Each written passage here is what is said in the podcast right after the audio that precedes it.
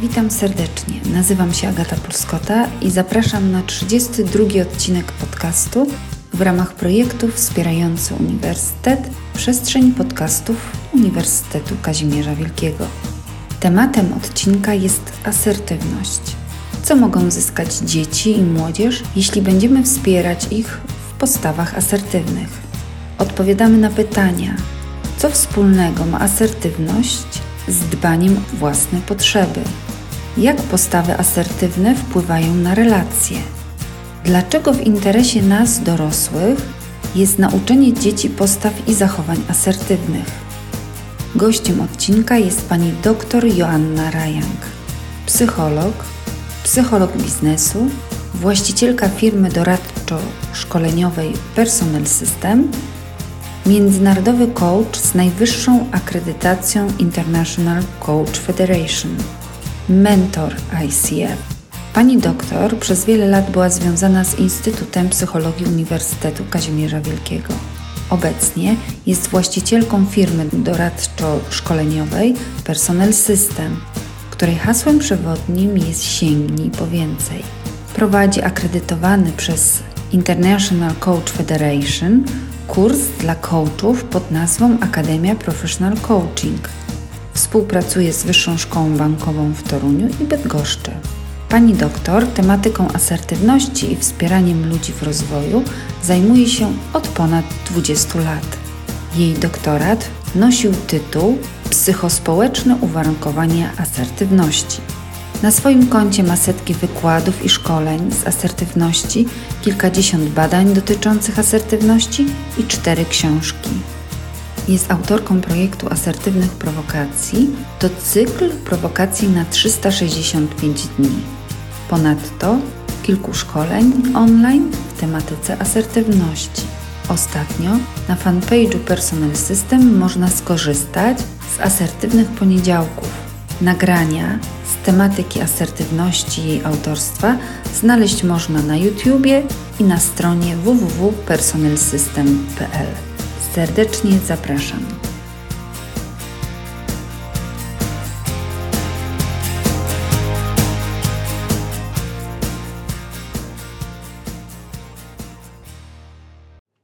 W dzisiejszym podcaście chciałabym poruszyć temat umiejętności asertywnych, czyli takich umiejętności bycia w zgodzie ze sobą, ze swoimi potrzebami, ze swoimi pragnieniami, ze swoimi przekonaniami i wartościami w kontaktach z drugim człowiekiem. Paradoksalnie temat, który jest dość uniwersalny, jeśli chodzi o grupę wiekową, ponieważ na co dzień przychodzi mi pracować z osobami dorosłymi w tym temacie, ale rzeczywiście byłabym przeszczęśliwa, gdyby ten temat asertywności, rozwijania tej umiejętności był żywy jedynie u dzieci i u młodzieży, czyli w okresie kształtowania relacji, w okresie nabierania świadomości siebie w obszarze też społecznym. Natomiast rzeczywistość jest jaka jest. To, co dzisiaj mnie interesuje w podcaście, to ta asertywność względem dzieci, czyli co ona daje, dlaczego warto wzmacniać tą asertywność, choć chciałabym tutaj od razu wyjaśnić dość szerokie rozumienie tego pojęcia. Co ona daje, dlaczego ważne, co możemy dać naszym dzieciom, kształtując u naszych dzieci zachowania asertywne. Co możemy dać naszym uczniom, zachęcając ich do prezentowania zachowań asertywnych. To, co wydaje mi się ważne i taką podstawą, jeśli chodzi o asertywność dzieci i młodzieży, to to, że rozmawiamy o osobach, dla których pewne elementy są ogromnie ważne, są z całą pewnością ważniejsze niż w późniejszym życiu. A mianowicie jest to okres budowania relacji, okres sprawdzania się pod względem relacji, okres, w którym drugi człowiek i bycie lubianym, tak kolokwialnie mówiąc, ma ogromne znaczenie. I z punktu widzenia asertywności i prezentowania zachowań asertywnych jest to również kluczowy element, ponieważ nawet patrząc z perspektywy osoby dorosłej, to my często nie prezentujemy zachowań asertywnych, choć wiemy, jak mielibyśmy je zaprezentować, nie prezentujemy ze względu na to, że boimy się stracić relacje. No to możemy sobie wyobrazić, jaki dylemat staje przed młodzieżą, szczególnie przez młodzieżą, dzieci może trochę mniej w zależności od tego, w jakim wieku, ale dylemat, który staje przed młodzieżą, jest to ogromny dylemat związany z tym, czy ja przypadkiem, stawiając granice na pewne zachowania, czy ja przypadkiem, e, mówiąc o tym, co chcę, a czego nie chcę, czy ja, dzieląc się swoimi poglądami, przekonaniami, nie stracę relacji, która jest dla mnie tak ważna. Jednocześnie chcę też powiedzieć, że dzieci i młodzież to jest okres eksperymentowania ze światem. W różny sposób, oczywiście w różnym wieku, ale znaczenie ma to takie, że dzieci i młodzież podsuwają sobie różne pomysły, podsuwają sobie różne formuły reagowania, podsuwają sobie różne rzeczy do testowania, sprawdzania, próbowania. I to również ma znaczenie z perspektywy asertywności, bo paradoksalnie właśnie w tym wieku tych sposobności na postawienie granic jest bardzo dużo. I teraz te dwa czynniki, czyli z jednej strony jakby kontekst, który towarzyszy dzieciom, a z drugiej strony właśnie kwestie związane z relacjami, one czynią tą asertywność taką specyficzną. To, co ja bym chciała też powiedzieć w temacie znaczenia asertywności dla młodych ludzi, dla dzieci, dla młodzieży, to to, że ta asertywność nie sprowadza się do sztuki mówienia nie. Oczywiście jest w obszarze asertywności odmawianie, czyli też stawianie granic na pewne propozycje, na których zgodzenie się byłoby byciem w niezgodzie ze sobą. Ale asertywność jest pojęciem dużo szerszym i w zasadzie wszystkie te odsłony asertywności mają znaczenie dla dzieci i dla młodzieży, to jest na przykład wyrażanie swojego zdania, wyrażanie swoich poglądów, dzielenie się swoimi przekonaniami. Asertywność to jest również wyrażanie próśb, to jest wyrażanie potrzeb. Asertywność to jest również wyrażanie poglądów dotyczących kogoś, poglądów dotyczących siebie. Asertywność jest e, również e, stawianiem granic na różnorodne zachowania, które są zachowaniami na przykład agresywnymi albo manipulacyjnymi. I kiedy tak przywołuję te konteksty asertywne, to w rzeczywistości dość łatwo jest znaleźć mnóstwo sytuacji w życiu dziecka i w życiu młodego człowieka, gdzie ta asertywność byłaby przydatna. Dla przykładu, stawianie granic na zachowania agresywne innych osób, zaczepianie, czy przez osoby starsze, czy przez rówieśników, złośliwości, reagowanie na przytyki różnego rodzaju, reagowanie na wyśmiewanie ze strony innych, albo lekceważenie czy pomijanie. I teraz, przywołując te różne sytuacje, chcę powiedzieć, że dokładnie, jeśli dziecko młody człowiek nauczy się reagować w tego typu sytuacjach, to jego relacje i taka relacja też z samym sobą będzie dużo lepsza, tak? Czy jakby będzie czuł się lepiej ze sobą poprzez to, że postawił granicę na coś, czego nie chciał. Oczywiście nadal pozostaje ta kwestia, na ile grupa to zaakceptuje. Tutaj można by też powiedzieć, że im bardziej spójni jesteśmy w tej naszej asertywności, co by też oznaczało, szybciej zaczęliśmy eksperymentować z tą asertywnością, próbować uczyć się jej. Tym bardziej jesteśmy spójni, tym więcej dostaliśmy z otoczenia takich informacji, że dziwnie to zabrzmi, ale że asertywność się w sumie sprawdza, albo nawet bym powiedziała opłaca, że w rzeczywistości może dojść do tego, że, że jeśli jesteśmy w otoczeniu osób, które czą na naszą uległość, to w momencie, kiedy zaczynamy być asertywni, te osoby być może odejdą z naszego otoczenia. Młodzi ludzie, dzieci odbierają to na takim poziomie straty, utraty kogoś ważnego. W rzeczywistości im dłużej trwa relacja, która nie jest relacją równościową, to tym gorzej to dziecko czuje się ze sobą. Więc w rzeczywistości im szybciej zaczniemy wysyłać takie sygnały światu, gdzie są nasze granice, na co się zgadzamy, a na co nie, tym szybciej będziemy przyciągać do siebie takie osoby, które mają zgodę na te nasze granice.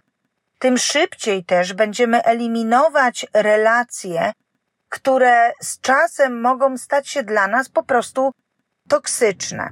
I to chcę powiedzieć, że takie sytuacje dla przykładu stawiania granic, jeśli zaczyna dziecko stawiać granice na agresję innych, na złośliwość, na przytyki, na wyśmiewanie czy pomijanie, lekceważenie, tym szybciej jakby inne dzieci dowiadują się, że ta osoba nam na to nie pozwoli. A to z kolei doprowadza do tego, że ci, którzy będą chcieli wykorzystywać nasze dziecko, przestaną być zainteresowani, jakby nie będą mieli pola do działania. W ten sposób dziecko asertywne z czasem buduje sobie relacje, które sprzyjają utrzymaniu tej asertywności.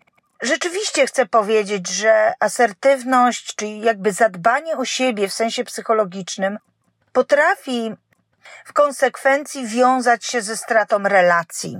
Taka konsekwencja występuje i wtedy, kiedy jesteśmy agresywni względem kogoś, i nawet wtedy, kiedy jesteśmy ulegli względem kogoś, ta konsekwencja może wystąpić.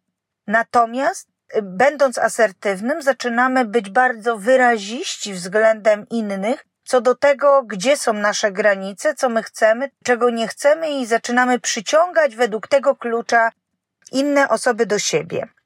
Podam przykład jakby innych korzyści związanych z kształtowaniem u dziecka asertywności, kształtowaniem u uczniów naszych też asertywności.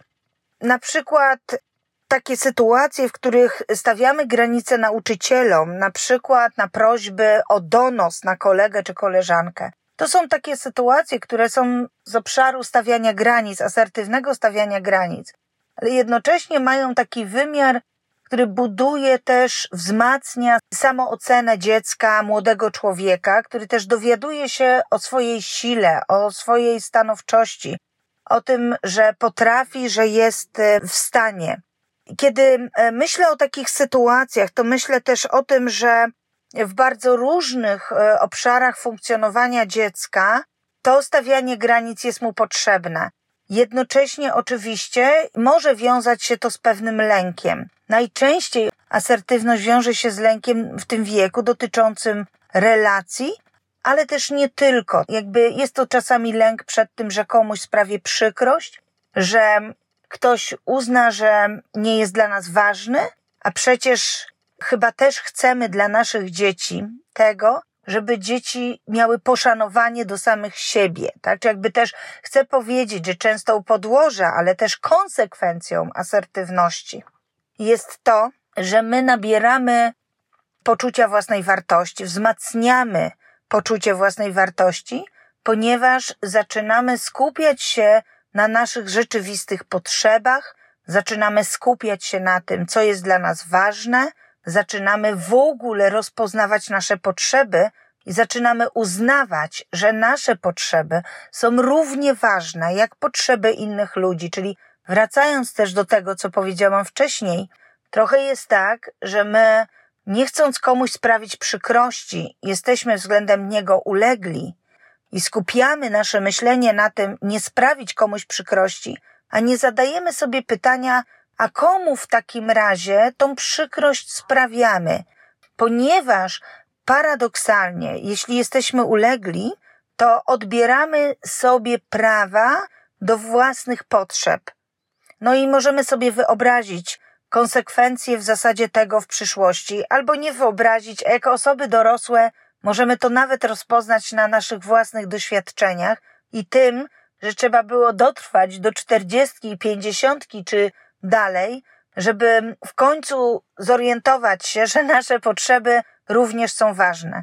Więc myślę, że z dedykacją dla naszych dzieci, dla naszych uczniów, dobrze by było też zobaczyć, że im prędzej zaczną się dzieci, młodzi ludzie dowiadywać o sobie, jakie są ich rzeczywiste potrzeby, tym po prostu łatwiej będzie im je zabezpieczyć w przyszłości. Ale kiedy mówię o rozwijaniu u dzieci asertywności, szczególnie u dzieci, ale trochę też u młodzieży i z przykrością też stwierdzam, że ta granica wiekowa się przesuwa, to myślę o tym, że rodzice często chcąc uchronić dzieci przed krzywdami tego świata, zamiast uczyć to dziecko reagowania asertywnego, to przejmuje inicjatywę w załatwieniu tematu za dziecko. Czy to robi asertywnie, mniej czy bardziej asertywnie, to jest już inna kwestia. Natomiast dla mnie istotną tutaj kwestią jest to, że w rzeczywistości przejmując temat za dziecko, idę do nauczyciela i mówię, że nie chcę, żeby moje dziecko było tak traktowane. Albo spotykam się z mamą jakiejś uczennicy, koleżanki mojej córki i wyjaśniam, że nie chcę, żeby ta córka tak, w taki sposób traktowała moje dziecko, dla przykładu, to w ten sposób to z całą pewnością ja ćwiczę swoją asertywność. Natomiast oto pytanie, czy poprzez moje załatwienie sprawy moje dziecko stanie się bardziej asertywne. Powiem tak, nie jest to kompletnie niemożliwe, ponieważ kiedy moje dziecko by to słyszało, to trochę na zasadzie modelowania jest w stanie nabrać pewnej umiejętności i formuł komunikacyjnych, które są z obszaru asertywności. No ale nie ma to jak doświadczać tej asertywności poprzez własne komunikaty i próbować się w tych komunikatach po takim komunikacie, jakby łapać swoje odczucia, jak mi było, co budziło mój niepokój, co budziło moje wątpliwości, jak mogę jutro lepiej jeszcze zareagować, czy przy kolejnym razie nie będę czuła się swobodniej w tej asertywności. Więc w rzeczywistości to chronienie dzieci przed y, sytuacjami trudnymi to jest trochę przeciwko uczeniu się asertywności. No bo z drugiej strony, po co jako nastolatek mam się wysilać na stawianie granic, jeśli moi rodzice pójdą do szkoły albo do rodzica innego i ten temat załatwią? Nie będę musiała się wysilać. No i teraz jest jeszcze jedna taka kwestia, że oczywiście pewnym momencie ta formuła się wyczerpuje, ponieważ w pewnym momencie, kiedy mamy do czynienia z nastolatkiem, dla którego grupa rówieśnicza jest ważniejsza niż te relacje rodzinne, no to ten nastolatek no za bardzo już nie chce, żeby rodzice załatwiali temat za niego, ale pytanie, czy sam jest w stanie asertywnie temat załatwić.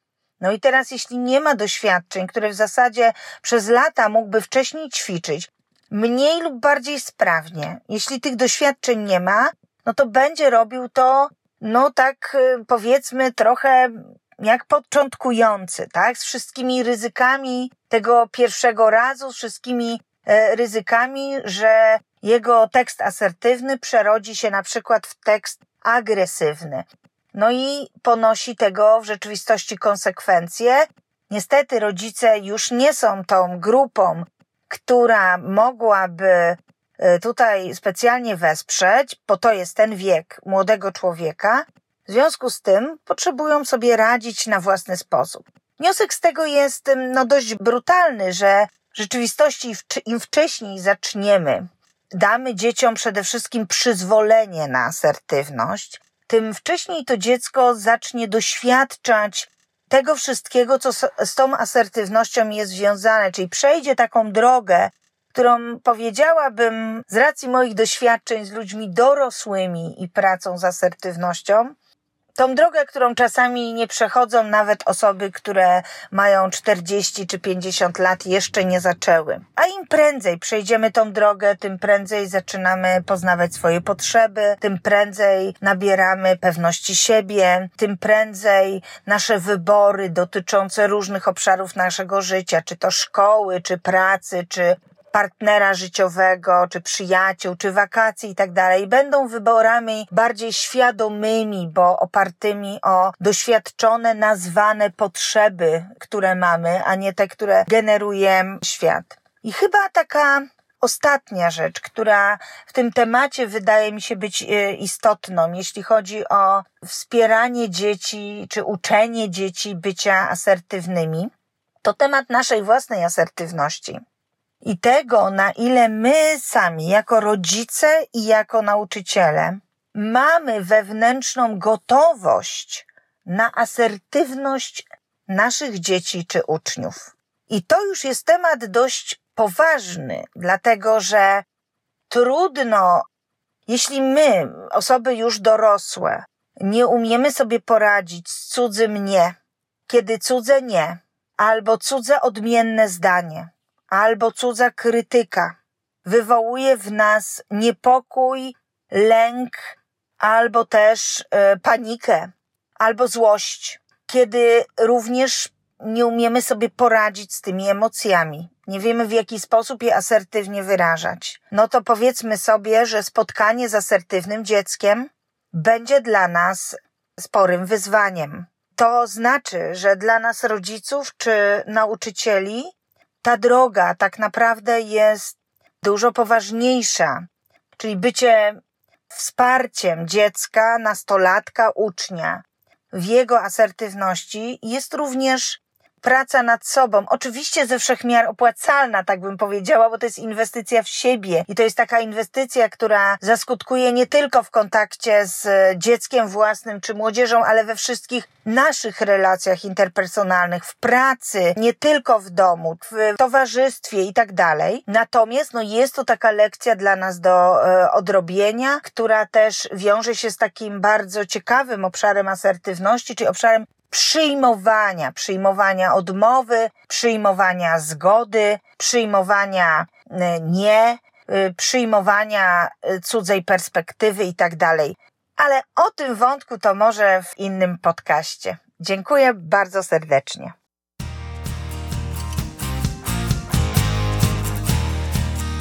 Bardzo dziękuję Pani doktor za przyjęcie zaproszenia do nagrania podcastu. Państwu dziękuję za uwagę i do usłyszenia.